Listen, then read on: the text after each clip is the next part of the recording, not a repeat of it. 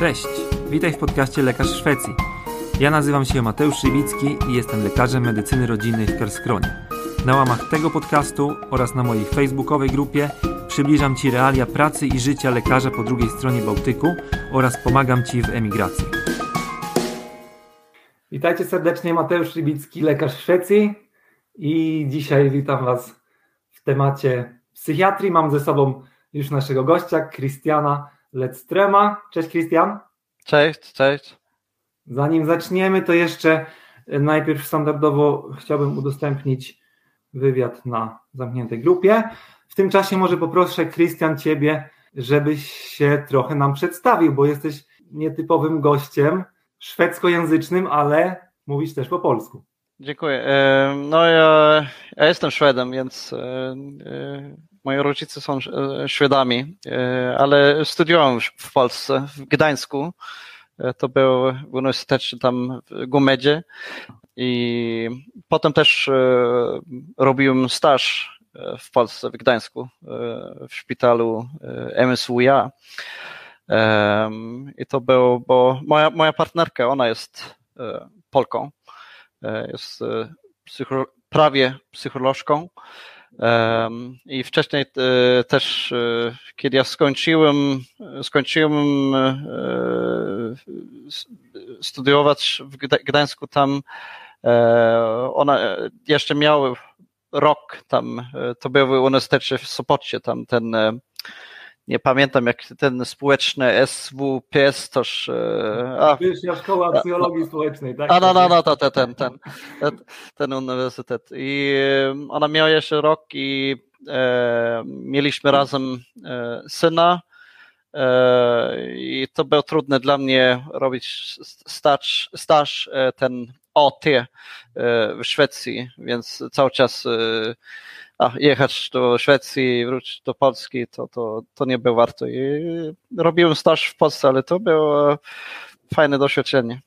To, no. I pewnie jeszcze dodatkowo się poduczyłeś dzięki temu języka, przynajmniej tego medycznego polskiego. No, no, no, tak, tak, tak. O, to, e, I no, to, no, to był fajny czas i też e, fajny widzieć, jak to ten system działa w Polsce i, i być studentem, tak, to, to nie jest e, tak być, jak, jak być e, le, lekarzem tam i robisz staż, a jesteś prawie leka, e, lekarzem, a też był trudny czasami.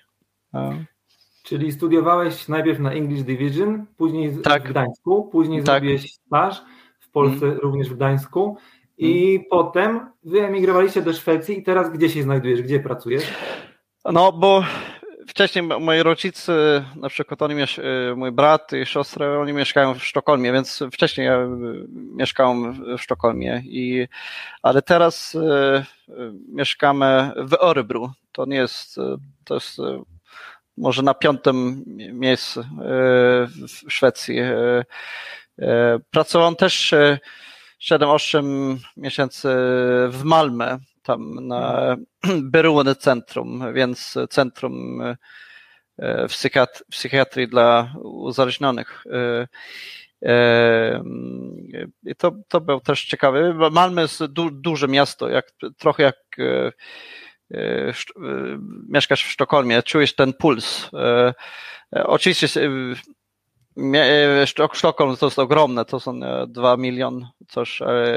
Malmy tylko może trochę mniejsze niż Gdańsk, 300 tysięcy, coś takiego, ale, ale czujesz, to jest jakiś puls e, w Malmę i mhm. Tu, tutaj nie, nie ma, to jest no, wolniejsze tu, tu w Örebro, ale spokojnie, ale to jest to uniwersytet tutaj w Örebro to jest też medyczny uniwersytet mamy tutaj i to jest no, trochę większy, większy szpital, jeśli e, w, no, no, w Szwecji. To. Hmm. Okay, I, hmm? Czy jeszcze coś chciałeś dodać? Nie, nie, nie, nie ale tylko dla, dla nas, bo, bo Justyna, moja, moja partnerka, ona nie ma nikogo tutaj, ale wszyscy mieszkają w Polsce i dla nas to było trochę neutralne, to jest nowe miejsce dla mnie, dla nas i dlatego to jest nowy początek, początek tutaj w Örebro. Mhm. I ty Dobra. już jesteś bardzo blisko końca specjalizacji, prawda? Tak, może mam jeszcze do listopada. Jestem specjali- potem jestem, będę specjalistą w psychiatrii. Psychiatrii. Mm. Okej. Okay. Mm. Zanim przejdziemy dalej, chciałem tylko powiedzieć, że ogląda nas ponad 70 osób, więc całkiem sympatycznie. I zachęcamy serdecznie do zadawania pytań w czasie naszej rozmowy.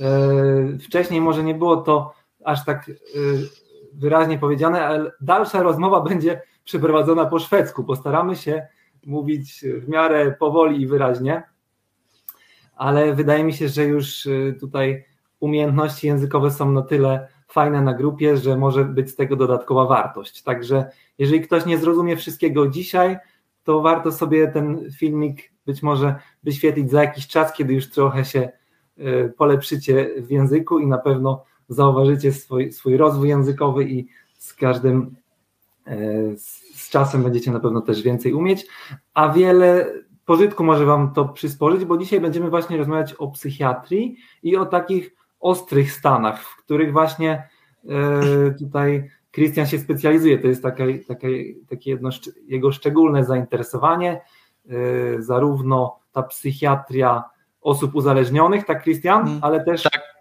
ostre stany psychiatryczne. Hmm. E, także zadawajcie pytania, zaraz będziemy przechodzili do meritum. Dajcie też kciuka w górę dla zasięgów, albo możecie też udostępnić jeszcze jakiemuś swojemu znajomemu, albo gdzieś na grupach lekarskich, tematycznych będzie nam niezwykle miło. A my myślę, że możemy yy, przechodzić do naszego tematu. Yy, także, Christian, powiedz nam trochę o tej. Yy, aha, Vigor över till svenska nu. Till svenska, okej. Okay. Precis. Och vi, vi får påminna varandra om att prata ganska långsamt och i alla fall tydligt. Mm. Eh, och pratar vi för fort så får publiken, publiken påminna oss i kommentarerna så mm. ska vi försöka skärpa oss. Ja. I alla fall Christian, berätta då, eller berätta om lite intro till allmänt eh, akut psykiatri kan vi säga. Liksom hur, hur är det att jobba på psykiatriakuten? Mm. Hur ser det ut? Vilka regler som gäller där och vad, vad kan vi se för olika spännande fall? Där? Först och främst, ehm, jag, jag eh, kan berätta att eh, jag jobbar väldigt mycket med att handleda. Alltså, eh, jag är handledare. Jag på polska supervisor. Att ha, ha, um, handleda AT-läkare. Och eh, AT-läkare de är ju lite på kirurgin, de är lite på medicinkliniken, vanliga medicinakuten, de är på vårdcentral. Och eh, många AT-läkare tycker faktiskt att det är jätte, jättesvårt på, eh, inom psykiatrin att vara eh, läkare inom psykiatri.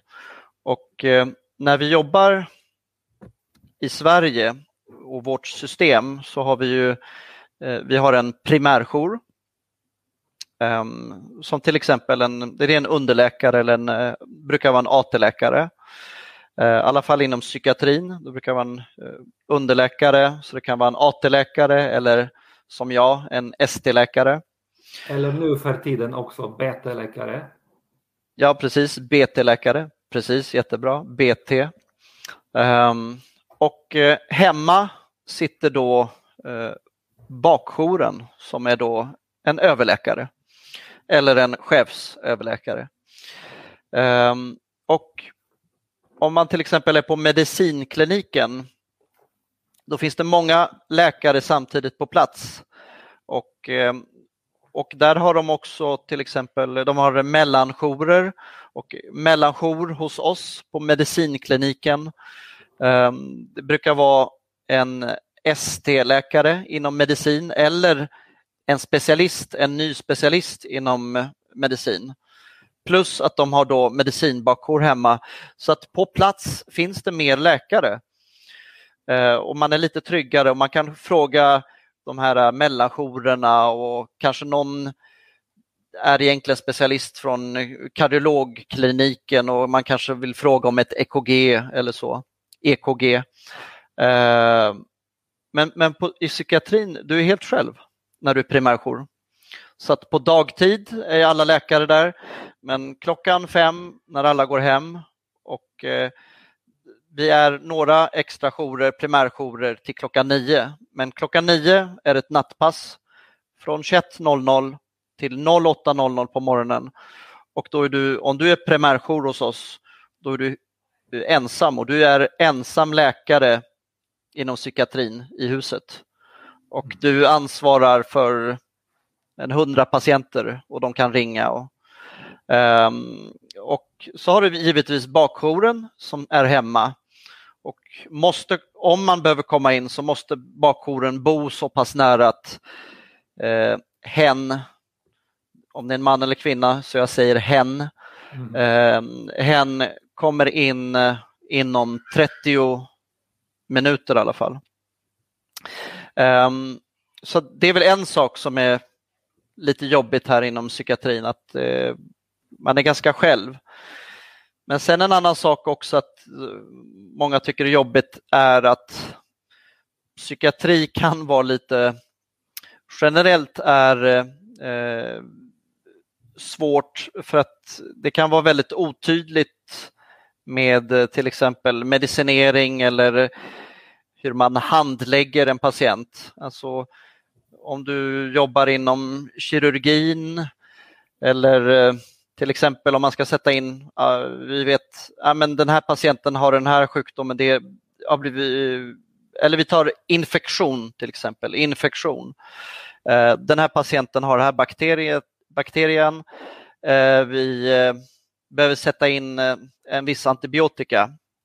Jaha, mm. det, då är vi efter, det är det här antibiotika eller antibiotikum som vi sätter in. Eh, ja, om det är resistens, resistens, resistenta bakterier, ja, då får vi sätta in det och om inte det fungerar, det det. Det är väldigt sådana här riktlinjer, guidelines, det är ganska tydligt generellt hur man går tillväga. Eh, men det kan vara lite oklart med eh, också mediciner inom psykiatrin. Det är en specialist inom psykiatri säger ja men vi ska ha Olanzapin eller en, annan specialist säger nej, nej, nej, vi, jag tycker om det här läkemedlet. Vi, vi, gör, vi kör Risperidon och man vet inte lite. Det är inte alltid så tydligt och det är lite beroende på vad kanske just den specialisten eller eh, bakjouren tycker. Och, mm. eh, så det är otydligare. Så det, ja. det är svårt. Um, du, du, vet det här att man blir ganska ensam på akuten eller psykiatriakuten. Det tror jag att det är inte helt främmande för polska kollegor heller. Mm. I alla fall uh, tror jag ja. att det är så. Men uh, det, det, det, känns ju skönt att man kan i alla fall ringa någon men, och, och höra med bakjouren. Bara man vet hur man ska förmedla då mm. status, psykisk status och så vidare. Va? Ja, och, och psykiskt eh, status är egentligen eh, väldigt viktigt. Det är ju att ta en anamnes och sen ett psykiskt status. Eh, det är egentligen det viktigaste man gör som primärjour tycker jag. Eh, eh, att göra ett psykiskt status, det, det är lika viktigt som eh, och eh, diktera det i så att man har en journalanteckning med det. Det är ju lika viktigt som till exempel en neurolog eh, dikterar ett neurologstatus. Eh, så ibland har jag sett anteckningar i, eh, gjort av underläkare inom psykiatrin utan psykisk status. Och mm. Det är fel, det ska vara ett psykiskt status. Och, mm. Ehm, och det Um, och man, när man pratar med en bakjour som primärjour så ska man ju vara duktig att kunna förmedla ett psykisk status per telefon. Mm, för det är det enda verktyget man har liksom inom psykiatri att beskriva i statuset hur precis, precis. patienten ja. mår eller har det. Ja. Har du något bra tips eller något, skulle du kunna sammanfatta lite vad en bra psykisk status innehåller? Ja, alltså till att början är det ju eh, vakenhetsgrad och eh, eh vi, eh, så att om patienten är vaken och eh, eh, eh orienterad. Eh, eh, och i, i, Sverige, vi använder oss också av eh, en ehm, skala som heter, eh, inte den här Glasgow Coma Scale, den har vi ju, men vi har ju också en lite enklare skala som heter eh, RLS 85 och den här Reaction Level Scale ehm, som används, den är ganska populär i Sverige och Skandinavien. Och där kan man ju nämna då vakenhetsgrad om patienten är RLS 1 till 2 eller om den är vaken. Och, um, det kan ni kolla upp eh, om ni inte är bekanta med RLS. Um, ehm, men uh, orienteringsgrad och patienten uh, vet var de är någonstans och vad de heter och vad det är för datum. Ehm, sen får man ju beskriva patienten, hur de ser ut och um, om det är någonting som är speciellt till exempel. Jag menar, man, man ska ju alltid beskriva väldigt neutralt. Man får inte vara, man får inte vara dömande. Så uh, ja, men om patienten har en kanske två hattar på sig, det tycker jag är ganska abnormalt. Jag hade en patient med glas, solglasögon. Det var inomhus solglasögon och så hade hon en hatt och på den en extra hatt på. Och, eh, eh, men, men, det får man beskriva. Och, eh, men man, man, ska inte vara nedvärderande eller liksom beskriva det illa utan det ska vara så neutralt som möjligt. Mm. Ehm, och, eh, och, och jag, ehm, sen om hur motoriken är, om de är kanske psykomotoriskt oroliga, de har eh, tics. Ehm, är motoriken är de eh, hämmad, så lite blockerad, hämmad eller um, och viktigt är ju grundstämningen, hur är själva uh, hur de är stämningen, grundläggande stämningen. Um, om de till exempel har, uh, den är sänkt, de är liksom mer depressiva. Eller om de, uh, grundstämningen är förhöjd, till exempel om de är mer vid ett hypomant eller maniskt tillstånd kan man beskriva. Mm. Um, och, och sen uh, olika om det är konstiga tankar. Till exempel att de har tankestopp, att det bara slutar prata plötsligt som det kan vara i depression eller psykos. Eller eh, om det är väldigt eh, tankeflykt som i de här maniska tillstånden så tankeflykt det är väl eh, som i engelskans den här eh, fight of, eh, eller förlåt, flight of ideas när det bara kommer massa tankar. Um, och, och om man ser någonting i, i talet, hur talet är, om det är väldigt snabbt. Det är mycket mm. ord, det är uh, snabbt ordflöde.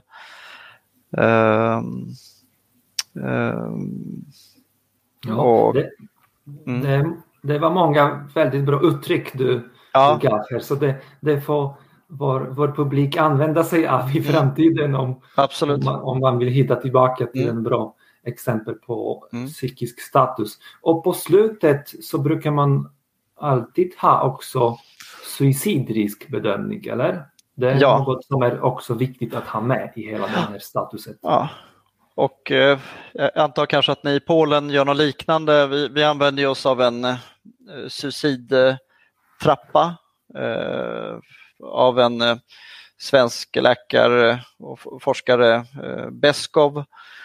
Och då pratar man ju mycket om, man eh, börjar ju först då, men känner du nedstämdhet? Och efter det så kanske man pratar om, ja men hur har du haft tank, någon dödslängtan eller liksom längtan efter döden, tänker du mycket på döden? Och om det finns en eh, dödstankar så kanske dödsönskan, önskar att du vore död? Och sen kanske man börjar prata mer om, då kanske har du haft suicidtankar eller tankar över att göra dig illa? Um, och då går man vidare om patienten svarar ja, men kanske haft konkreta suicidavsikter eller mm. um, planer. Så det är som en trappa liksom. Ja. Längre och längre upp, ja. mer och mer allvarliga ja. symptom. Och, och, det är väldigt viktigt att eh, dok, framförallt att dokumentera de här. Alltså, om patienten är psykotisk eller suicidal och um, om patienten är psykotisk och man gör fel, till exempel jag har gjort fel. Jag menar, man har ju ibland svårt att veta och de håller upp sig och man har inte fått tillräckligt med information av anhöriga och det var patient som hade vanföreställningar. Och, eh, men det var väldigt svårt att penetrera det. Eh, så vi så jag släppte patienten från psykakuten. Eh, men patienten kom sedan eh, tillbaka så det löser sig oftast om, om man gör fel med eh, psykotiska patienter. Men om man gör fel med suicidala patienter eh, och patienten verkligen vill ta sitt liv och hoppar framför ett tåg och tar sitt liv. Så det är ju det blir ju ett mycket, mycket större konsekvens, eh, allvarligare. Så det är alltid det viktigaste vi gör, det är ju penetrera eh, om det finns en suicidrisk och om patienten är, är suicidal. Mm. Um, och, Framförallt om det handlar om kanske depression och psykos som vi ska snart snacka lite Absolut. mer detaljerat om. Och jag, jag tror också att um, alltså en del kanske det sista de gör, de vill ändå söka sig till psykakuten och försöka få hjälp. Men jag tror att om jag verkligen skulle vilja ta mitt liv, um, då skulle inte jag frivilligt åka till psykakuten. Utan jag skulle försöka ta mitt liv.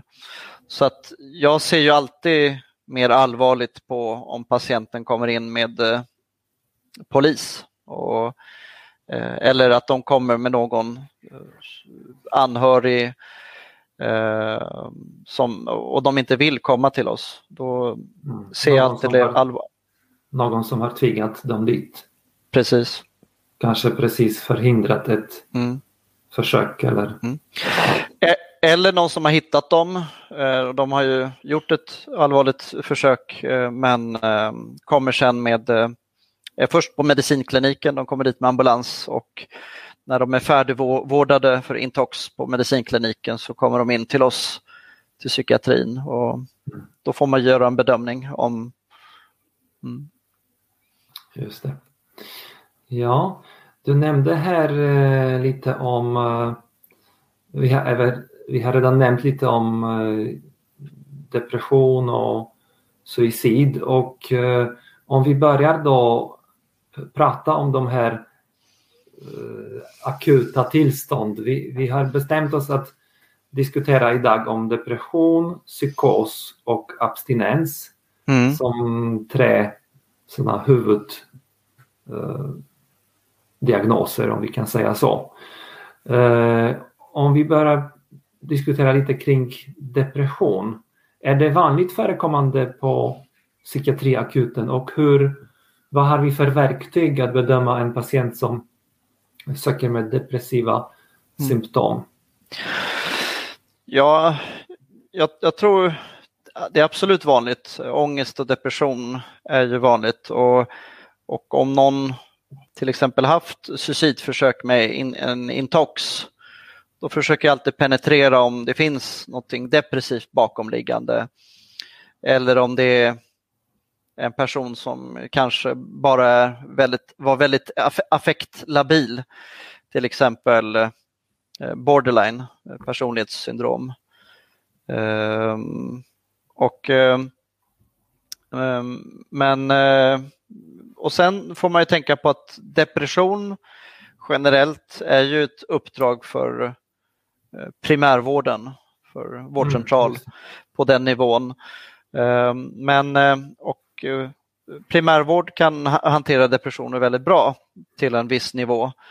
Men sen om eh, de inte, patienten inte responderar så bra på vanlig medicin med SSRI eller SNRI, Venlafaxin, eh, så kanske vi måste ta över eh, inom psykiatrin. Mm. Eller om, om det blir mera akut liksom? Absolut. Ja, mer akut, mer drastiskt. Eh, och, och, och, om det givetvis om det bedöms att det är en suicidrisk, då är det psykiatri. Eh, och, och om det är också kanske psykotiska inslag eh, och man kanske känner att det här kanske är en väldigt svårt sjuk patient och då finns det ju att man kan ge ECT till exempel. Mm. ECT-behandling, elektrokonvulsiv behandling. Eh, men även starkare mediciner som de här eh, tricykliska eh, antidepressiva, sådana här TCA. Va, vad har vi för skalor som man använder i Sverige för att bedöma en patient med depression? Mm. Jag, jag har lite dåligt koll på vad man använder i Polen faktiskt, men vi kan i alla fall berätta lite vad, mm. vad man använder sig av i Sverige. Ja. I Sverige väldigt populärt, eh, alltså det vi använder inom psykiatrin väldigt mycket det är Madras eller det är Madras M-A-D-R-S uttalas Madras. Och det här äh, det är ju Montgomery Åberg Depression Rating Scale och Åberg, eh, Åsberg, förlåt, Åsberg, eh, Marie Åsberg, jag har faktiskt träffat henne på två, tre gånger på föreläsningar. Och så att det är ett Å, svenskt Å, så Egentligen borde den heta Modras, men det heter Madras. Det. Åsberg mm. har blivit ett A. Jag länkar eh, till eh, en sån skala faktiskt i kommentarsfältet. Mm. Så att de som vill titta på det kan mm. och då, och då finns det ju eh, Madras som vi läkare gör och sen kan vi också ge till patienten Madras S. S det står för självskattning så patienten får skatta sina symptom själv. Eh, men Madras S eh, använder vi aldrig för att sätta diagnos, utan det måste vara vanlig Madras. Bara Madras, inte Madras S. Mm. Um, och sen, uh, jag till exempel nu, jag, jag, har varit placerad också lite på olika uh, avdelningar för att lära mig och jag har varit också inom geriatriken och där använder de mycket GDS-20, Geriatric Depression Scale. Och, eh, så den kan man ju använda på äldre patienter, gamla. Eh, och i primärvård använder ni väl mycket, den, gör inte ni en del HAD också? Den ja, här... just mot, ja, för ångest framförallt och även mm. depression. Mm. Ja. ja. Men madras, mad, madras är också väldigt madras. i primärvården. Ja. Och eh, när jag, som i Sverige när vi eh, eh, när man har en eh, specialisering inom psykiatrin så är det fem år. Och, eh, och där i, i min specia specialitet då måste jag göra en grundutbildning i KBT. Så det, nivå 1 heter steg 1. Så jag, jag har gått KBT-utbildning och då får man ha två patienter eh, som man får lära sig och, och, och göra KBT på. Eh, och så har man en psykolog eh, som eh, handledare, en KBT-terapeut och psykolog. Om du bara och, utvecklar KBT, kognitiv beteendeterapi. Precis, kognitiv beteendeterapi. Och KBT är väldigt eh, populärt i, i Sverige. För det är ju mycket evidensbaserat, det finns väldigt mycket studier med KBT och, eh, ehm, och han Aaron Beck som eh, kom på KBT, som, han var ju förut mer psykoanalytisk, men han tyckte att ah, jag, jag pratar, pratar och försöker eh, ha terapier med patienter, men jag hjälper inga. Hur många har jag hjälpt? Och då, därför kom han på det här med KBT. Eh, och, eh, och där, vad jag vill komma fram till är att jag, jag använde, när jag gjorde min, min KBT, då använde vi Becks Inventory Depression Scale då har jag, det var också lite, lite mer omfattande, det var ganska väldigt många frågor. Och den använde jag, men jag har aldrig annars använt den, annars använder jag bara Madras. Mm. Använder ni Mini på psykiatri? Uh, ja, Mini. Uh, för att uh, du pratar om den här Mini ehm, för att se de olika tillstånden, om de är deprimerade eller psykotiska. Man gör en generell Ja. Eh, det gör vi. Kanske inte på akuten, men jag menar kanske mer på mottagning. Ja, öppenvård. Så det, det finns Mini och så har vi också den här SKID 1 som är lite mer uh, SKID 1 och så, så, finns det SKID 2 för personlighetssyndrom. Så SKID 1, eh, den är baserad eh, på, den utgår ifrån DSM 4 fast den är sån semistrukturerad eh, intervju och eh, den är lite mer avancerad än Mini. Jag tycker Mini är, Mini är eh, lättare om du inte har gjort Mini innan. Den är ganska eh, straight forward, liksom rätt fram. Så. Skid 1, den behöver man lite mer, tycker jag, träning. Den är lite svårare. Mm. Okay. Den, den, den de sista, sistnämnda låter kanske som just på väldigt mycket mer specialistnivå tänker jag. Ja, det, det ja. tycker jag. Så det är bättre om ni skulle göra någonting i primärvård så mini är bättre och studier visar också att om man inte har gjort mini eh, så funkar det bra. Man behöver inte vara så duktig. Det, mm. men, men SKID, då, då, behöver du ha lite mer kunskap. Så eh, jobbar inom primärvård och har extra tid så kan man alltid försöka göra en mini. Mm, precis, men det är ändå ganska omfattande kan jag säga. Och ja, det tar tid. Det tar, det tar tid och det tar lite tid att man blir lite rutinerad i det också. Ja. Alltså man, man måste åtminstone göra ett par gånger mm. på prov för att kunna göra den snabbt sen när man har patienten i rummet.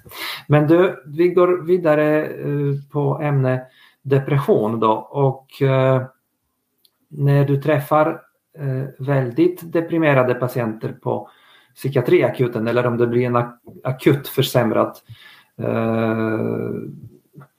depression där risken för suicid är väldigt hög. Då har vi något verktyg i Sverige som heter LPT. Skulle vi ja. kunna prata lite mer just om den? Och jag faktiskt har en fråga här från en, eh, en person som jag tänker visa. Uh, fråga på svenska från Cecilia. Uh, hon skriver så här. Du ser också frågan va? Mm. Uh, hon skriver så här. Jag vet inte 100% om det är så. Men de jag vet, det finns Eh, men så, så vitt jag vet så finns eh, vårdintyg som gäller 24 timmar och under den tiden oftast patienten hamnar på slutenvård och det görs bedömning om HSL eller LPT. Mm. Kan vi kanske ja. utgå ifrån den frågan och sen ja. kommentera hur? Ja, nej, nej, men om man skriver på psykakuten då är det eh, exakt riktigt. Då, då, då gäller det inom 24 timmar Eh, så ska en eh, överläkare, för det ska vara en, det ska vara en tvåläkarbedömning, så det ska vara två olika separata läkare. Eh, men man, en legitimerad läkare, så det är inte AT-läkare, du måste vara legitimerad, eh, kan skriva ett vårdintyg. Och om man gör det på psykakuten så inom 24 timmar ska en överläkare eh, bedöma det här vårdintyget. Och om det godkänns och då blir det ju vård på tvång enligt lagen om psykiatrisk tvångsvård. LPT. Eller hälso och sjukvårdslagen, det är alltså frivilligt. Ehm, om man skriver det här vårdintyget utanför psykiatrin, till exempel på en vårdcentral eller medicinkliniken eller kirurgkliniken. Ehm, då, eller då, på någonstans i någons hem till exempel. Ja, ja, ja, då kan det till exempel distriktsläkare behöver ibland åka ut och till någon, där någon bor och eh, kan skriva ett vårdintyg. Um, och då, då är det giltigt i fyra dagar, fyra, fyra dygn. Mm. Kan, Så... vi berätta, kan vi berätta om kriterier för det till att börja med? När ja. får man skriva det? När får man göra någon när kan man tvinga någon till ja. ett psykiatrisk ja. vård? Det, det, det vikt... ja. Grundkriteriet är um, APS, en allvarlig psykisk störning. Att det är en allvarlig psykisk störning och allvarlig psykisk störning, det är inget medicinskt begrepp i Sverige. Det, det finns inte i, det är inte från någon svensk eh, medicinordbok, utan det här är en juridisk term. Så det här, är, det här handlar om lagar och juridik. Um, och vad är då en allvarlig psykisk störning? Egentligen grunden för en allvarlig psykisk störning det är ju någon som är psykotisk. Um, men sen finns det vissa tillstånd som är psykosekvivalenta tillstånd. Så de är liknande psykotiska. Jag menar, en någon som är deprimerad eller har, mycket, har ångest, är ju inte, de är inte psykotiska vanligtvis, men de kan bli. Och då kan det bli. Och att man kan bli ett tillstånd eh, när man är så svårt deprimerad och suicidal, då, tänk, då tycker vi att i Sverige att nej, men den här är en allvarligt psykiskt störd. Um, för, för grunden är egentligen att och, sedan eh, för förut var ju till exempel att ta, ta sitt liv, eh, det var ju eh, det var inte tillåtet det, i Sverige, det var ju brottsligt. Men i, lagarna har ju ändrats och sedan ungefär en, 200 eh, år så, så har det är inte brottsligt att ta sitt liv. Så att om någon vill ta sitt liv så får man göra det. Om de inte är allvarligt psykiskt störda, då, då kan mm. vi säga stopp. Men om jag till exempel är helt adekvat, jag är inte psykotisk, jag är inte deprimerad, ja, men jag, vill, jag vill ta mitt liv. Då skulle jag potentiellt ha rätt att göra det i Sverige. Mm. Vad finns det mer för kriterier? Du sa kriterie nummer ett, allvarligt psykisk störning.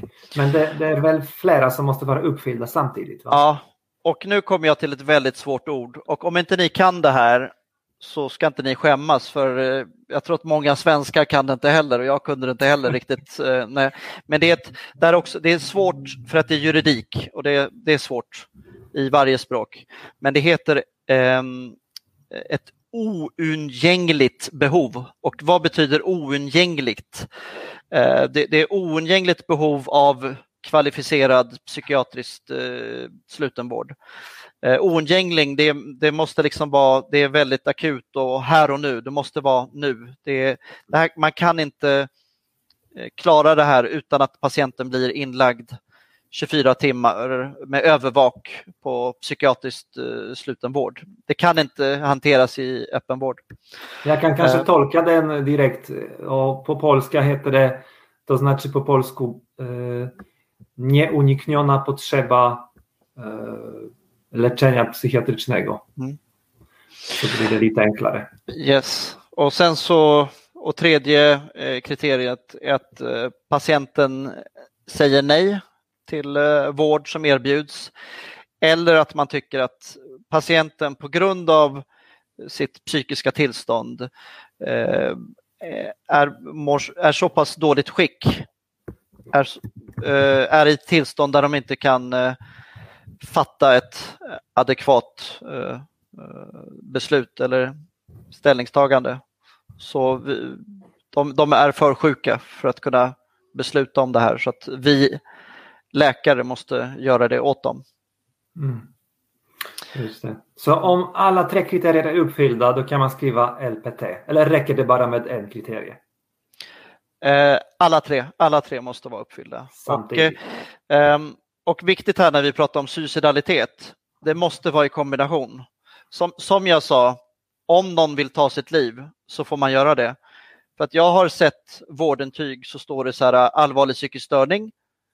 Patienten är suicidal. Patienten är akut suicidal.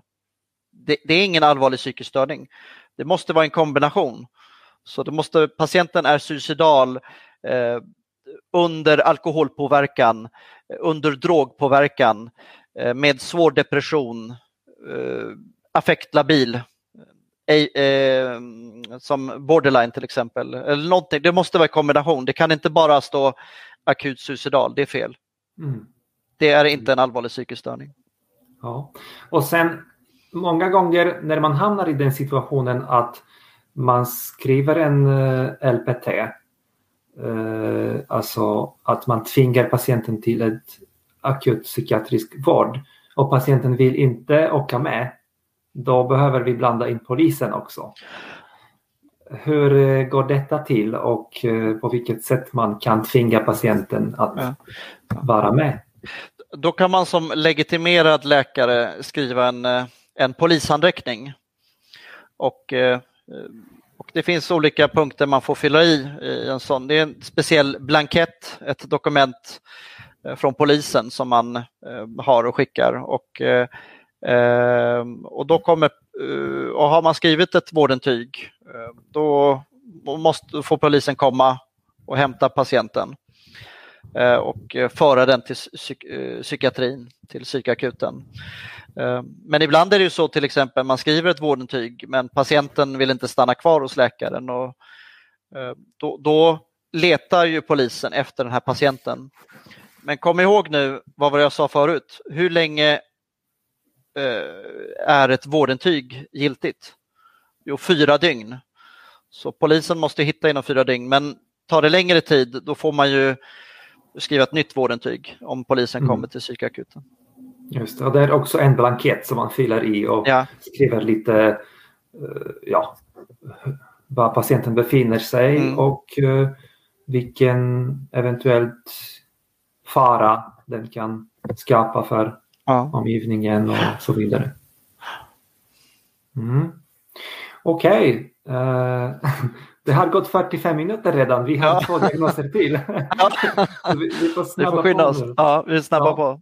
Berätta lite om eh, psykospatienter. Hur, hurdana är de på, på psykiatriakuten? Hur, vilka symptom ja. Ja, är och, kardinala och hur man behandlar detta? Ja, alltså, man, man måste skilja me mellan att en patient eh, har psykotiska symptom eh, och är psykotisk. För att är man psyk verkligen psykotisk, då är man ju man har ju tappat bort verkligheten. Jag menar, en patient kan ju vara väldigt adekvat och förstå allting, förstå vem de är och vara här och nu. Men jag har tagit lite droger och därför hör jag en röst. Men de är väldigt närvarande och tar emot hjälp. Och det är inte alltid att vi behöver skriva till exempel ett vårdintyg på de patienterna. Men någon som är verkligen psykotisk, de har ju tappat bort liksom, verklighetsuppfattning. Mm. Um, och, eh, men har de röster och så vidare, eh, de, de, de kan ju vara ändå ganska akut skede lättbehandlade så att eh, viktigaste är att vi ger eh, neuroleptika eller antipsykotikum. Eh, men sen också så att vi får D2, dopamin 2 recept, receptorblockad Eh, men det är inte bara D2-blockad som är viktigt utan de måste sova. Så att eh, vi måste ge dem sederande läkemedel så att eh, bensodiazepiner, diazepam. Så de ska gärna sova. Samtidigt, alltså antineuroleptika och Precis, ja. parallellt. Och, och varför vårt jobb oftast är så enkelt som inom psykiatrin för att ibland, det kan vara svårt, ibland är det här en patient som är manisk och uppvarvad? Eller är det en eh, eh förlåt, eh, manisk och har psykotiska symptom menar jag. Om, om, eh, man, man, mani är ju uppvarvade. Är det här en patient som är manisk och har psykotiska symptom eller är det en psykospatient som är uppvarvad? Hur vet, för ibland kan det vara svårt att, att se skillnaden på. Mm. Eh, om vi inte har anamnes och vi vet inte så mycket om patienten. Men vad som är så enkelt för oss är att vi, vi behandlar på samma sätt. Vi, vi ger neuroleptika och vi ger, eh, vi ger eh, bensodiazepiner som ska sova. De måste lugna ner sig. Eh, för ma mani kan man ge också sån eh, valproatsyra, valproic acid, eller Mm. tenkvas valproinave, tack.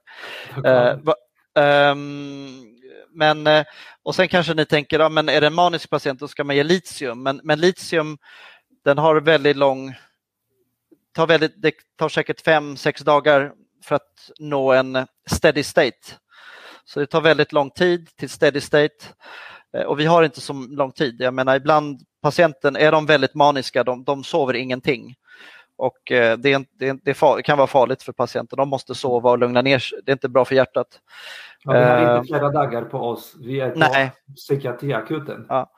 Och, och sen kan jag väl säga också att generellt så är givetvis är de väldigt psykotiska och så vidare och maniska, det, då kan det ju ECT vara föremål bland ECT. Eh, men eh, generellt med psykosbehandling är ju att man ska ha monoterapi, så bara ett läkemedel. Eh, men akut, då vill vi åt många receptorer så att då, eh, då, då blandar vi. Så att då är det kombinationsbehandling. Och eh, det kan vara bra till exempel man testar eh, Olanzapin om någon är väldigt psykotisk, ja, men 15-20 milligram Olanzapin. Ja, men patient, det funkar inte, patienten är fortfarande, ja, men vi kombinerar och eh, tar också Haldolsprutor, eh, morgon och kväll Haldol plus Olanzapin. Och så kan det vara, Två olika neuroleptika. Ja. Mm. precis. Eh, Och Men Olanzapin, benzo. plus benzo. Men Mm. eh, Olanzapin, det, i det här exemplet, det är om patienten tar emot eh, per oral behandling. Men om inte så kanske, ja det finns andra neuroleptika som vi ger som vi får ge sprutor då. Mm. Och då blir det tvångs, tvångsbehandling, LPT. Just det. Mm. Ja, låt oss gå över till den sista biten då som vi har på listan och det är abstinens och Yes. eh, patienterna som är beroende. Eller i detta fall akuta symptom Ja. på att någon har slutat med den substans. Och generellt kan vi säga att eh, bero, beroendevården är ju eh, generellt egentligen ett eh, primärvårdsuppdrag. Eh, och eh, som man har så primärvårdsuppdrag eh, på primärvårdsnivå, det vill säga vårdcentralsnivå med hjälp av socialtjänst. Mm. Ehm, sen är det en del som är väldigt Eh, sjuka. Och det, och det är inte bara beroendet utan det blir mer psykiatri eh, för att beroende är bara en del. Och, och eh, då blir det mer en angelägenhet för specialistvården. Och om det finns beroendecentrum, men det är inte alltid att det beror på lite var i, i stans i Sverige man jobbar. Om man jobbar på en väldigt liten ort, då kanske det inte finns en beroendecentrum utan det är en del av psykiatrin eh, som får ta hand om det, eller vanliga allmänpsykiatrin som har hand om. Eh, men, eh, men en del som vi inom psykiatrin tar hand om och måste ha hand om, det är till exempel avgiftning. När, när vi ger, eh, om någon har eh, druckit för mycket alkohol och väldigt abstinent, eh, då kan vi göra, eh, hjälpa dem och behandla de symptomen och med hjälp av bensodiazepiner. Ehm, och, eh, och det kallas en avgiftning och Mm. vi ger ju ett nedtrappning, nedtrappningsschema som man ger ju mindre mindre per dag. Ehm, och eh, största skillnaden är just med, mellan alkohol och eh, de som tar, tar droger. Det är ju alkohol, det kan bli livsfarligt med delirium tremens och eh, som ett livs, jättefarligt tillstånd. Och innan vi behandlade delirium tremens så kanske var 20-30 procent som dog. Mm. Um, och man har även tagit uh, autopsier på de som har dött av delirium tremens och uh, man har sett hjärnödem. Uh, för att neuronerna i hjärnan, hjärncellerna, de fräts sönder, hjärnan kokar. Mm. Um, och, men, och där är en skillnad med de här som tar droger och tar eh, opioider eh, som får opiatabstinens. Eh, för det, de mår väldigt dåligt men, men det är inte lika farligt. Alltså det, de, kräks, de kan kräkas och få diarréer och det är klart, det kan ju bli elektrolytobalans och farligt om de kräks för mycket och förlorar, förlorar för mycket vätska. Men generellt eh, mår de skit, om jag får svära lite på svenska, de mår skit. Eh, men, eh, men det, är inte, det är inte farligt som alkoholabstinens kan te sig. Så att, eh, ibland måste vi eh, behandla eh, alkohol Eh, patienter oavsett vad vi tycker eller ej. För att oftast vill vi att det ska finnas en planering efteråt, att det finns en plan. Men, men eh, de, det kan vara farligt så att vi måste lägga in dem. Ehm, och sen så vad händer efteråt? Det kan ju bli behandlingshem och eh, där kommer ju till exempel socialtjänsten in ehm, för att de hjälper till och komma på ett behandlingshem, ett frivilligt behandlingshem, det är ju väldigt dyrt. Det kan kosta flera tusen kronor eh, per dag, 3 4 5 tusen kronor per dag. och socialtjänsten, Pomoc det, det, de, de hjälper till där. Mm. Och socialtjänsten är viktig för oss också för att om du har problem med eh, någon som har alkoholproblem eller eh, drogproblem. Eh, för, för, ibland märker man, oj, de här, kom, här, de här kommer dö. Om jag släpper den här patienten, han kommer eh, dricka ihjäl sig. Och, eh, eh, eller jag kommer ta massa droger och kommer nog dö inom en vecka. Mm. Och, och, ibland kan patienten säga det, jag, jag kommer fortsätta tills jag dör. Och är, du, är du suicidal? Nej, jag vill inte ta mitt liv. Aha, ingen allvarlig psykisk störning. Är du psykotisk? Nej, jag är inte psykotisk, men jag, jag kommer ta droger tills jag dör. Och så de är inte allvarligt psykiskt störda, de är inte psykotiska, de är inte riktigt suicidala. De vill ta droger tills de dör, men det är inte samma, de är inte riktigt suicidala. Det är inte ja, imorgon ska jag ta en överdos heroin för att jag vill dö, för att jag i syfte att dö. De, de, är, de är väldigt des, de är destruktiva och le, leker med livet och le, eh, leker med döden. Eh, men de är inte suicidala, så det är ingen de allvarlig psykisk störning. De uppfyller inte kriterierna Nej. för just LPT. Så vi kan inte skriva ett vårdintyg. Och, eh, men vi vill inte släppa den här patienten, vad gör vi då? Och då finns det en annan lag, för nu har vi pratat om LPT och vårdintyg. Men då finns det en annan lag som heter LVM, lagen om vård av missbrukare. Lagen om vård av missbrukare. Um, ehm, LVM. Och, eh, och då kan man skriva en LVM-anmälan. Det är ett brev till socialtjänsten där man varnar dem.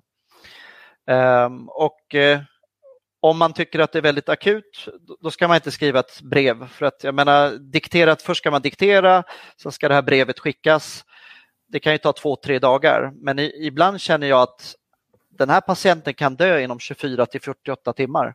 Mm. Om inte jag...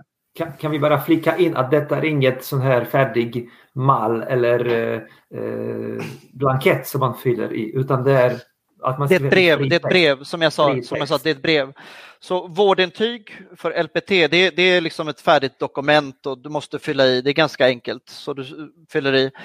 Um, också den här polishandräckningen till polis för att skicka polis och hjälpa assistans för att transportera patient.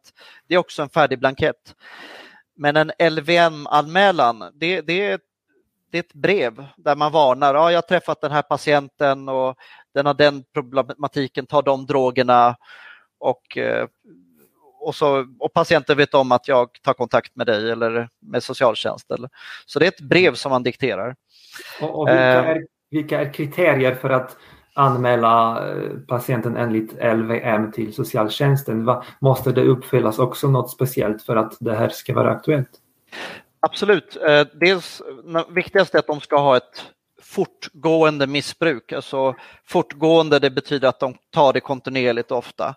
Och det kan vara alkohol eller narkotika. Eh, eller enligt, enligt lagen också olika att de kan vad heter det, inhalera eh, lösningsmedel, sån här eh, tinner, du vet sån lim och, och, mm. och eh, men, men, i lagen finns inte till exempel nytt är ju spelberoende, man spelar bort pengar, vilket är väldigt allvarligt. En del, jag har varit med om, de kan ha skulder på en miljon. Mm. Det finns inte i lagen, det är inte LVM. Eller mm. sexberoende, sexberoende, ej LVM. Så det är alkohol och narkotika primärt. Mm. Um, och sen uh, att uh, man känner att socialtjänstlagen, de kan inte liksom vårdas enligt socialtjänstlagen och att den här uh, drogen eller alkoholen gör att de har fysisk eller psykisk allvarlig fara på grund mm. av missbruket. Det. Så det är liknande som vårdintyget. Men, men vad, vad, jag vill säga, vad som är viktigt, um, och skillnaden mellan LPT och LVM här i Sverige. För LPT, det viktigaste, det är vi läkare. Det är vi läkare som skriver vårdintyg. Legitimerad läkare skriver vårdintyg. Och sen kommer en eh, överläkare inom psykiatrin fatta beslut om LPT. Och det här gäller eh, fyra veckor. Så att vi kan ha fast en patient om vi tycker det, vi läkare. Men LVM, det är vi läkare som skickar en, ett brev, en LVM-anmälan till socialtjänsten. Men sen kommer socialtjänsten bedöma om utredning och skicka till en, kanske eventuellt en domstol. Så att de har en väldig makt och mm. det är ett problem här i Sverige. Att, för att eh, socialtjänst, de som jobbar där, de är inte alltid medicinskt kunniga. De förstår inte. Och, eh, eh, och det är viktigt också när ni skriver det här brevet för att ni pratar med en person eller ni eh, har kontakt med en person som inte är så medicinskt kunnig. Kanske mm. har patienten eh, inte tagit sin eh, insulin och insulinvärdet är på en speciell nivå eller INR ligger på 1,7. Vad betyder det? Så det måste man förklara för att ni, ni, ni pratar med någon som är inte så medicinskt kunnig. Som en tjänsteman. Mm. Ja. Du, jag tror vi ska avrunda nu, eh, men som sista fråga, faktiskt någonting som eh, vi precis pratade om. Är det bara läkare som kan skriva LVM eller kan vem som helst skriva det? Eh, det är vi läkare som gör den här anmälan. För det, det finns ett fråga från Michał om till exempel någon på apoteket, apotekpersonal eller någon annan i en annan situation kan skriva det?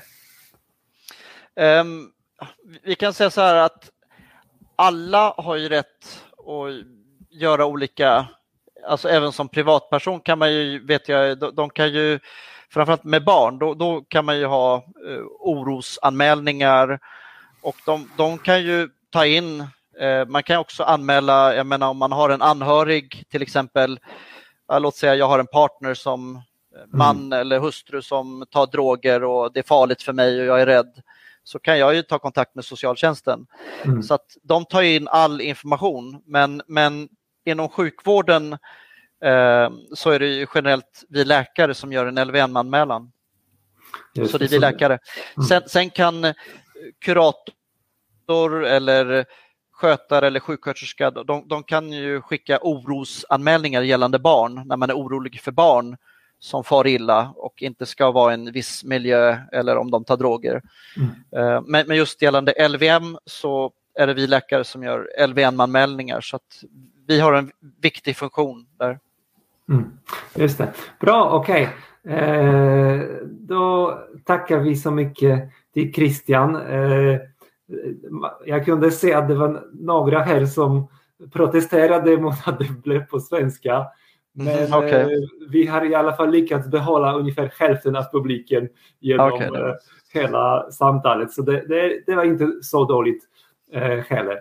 Eh, jag ska se om det kanske går att lägga till någon text också under sen när, när eh, detta ska göras om. Men det, det, blir i och för sig lite svårt som i podden. Mm. Men eh, tack så jättemycket Christian för att du har delat eh, din erfarenhet med oss. Mm. Dziękuję Ci bardzo za to, że się podzieliłeś doświadczeniem z nami.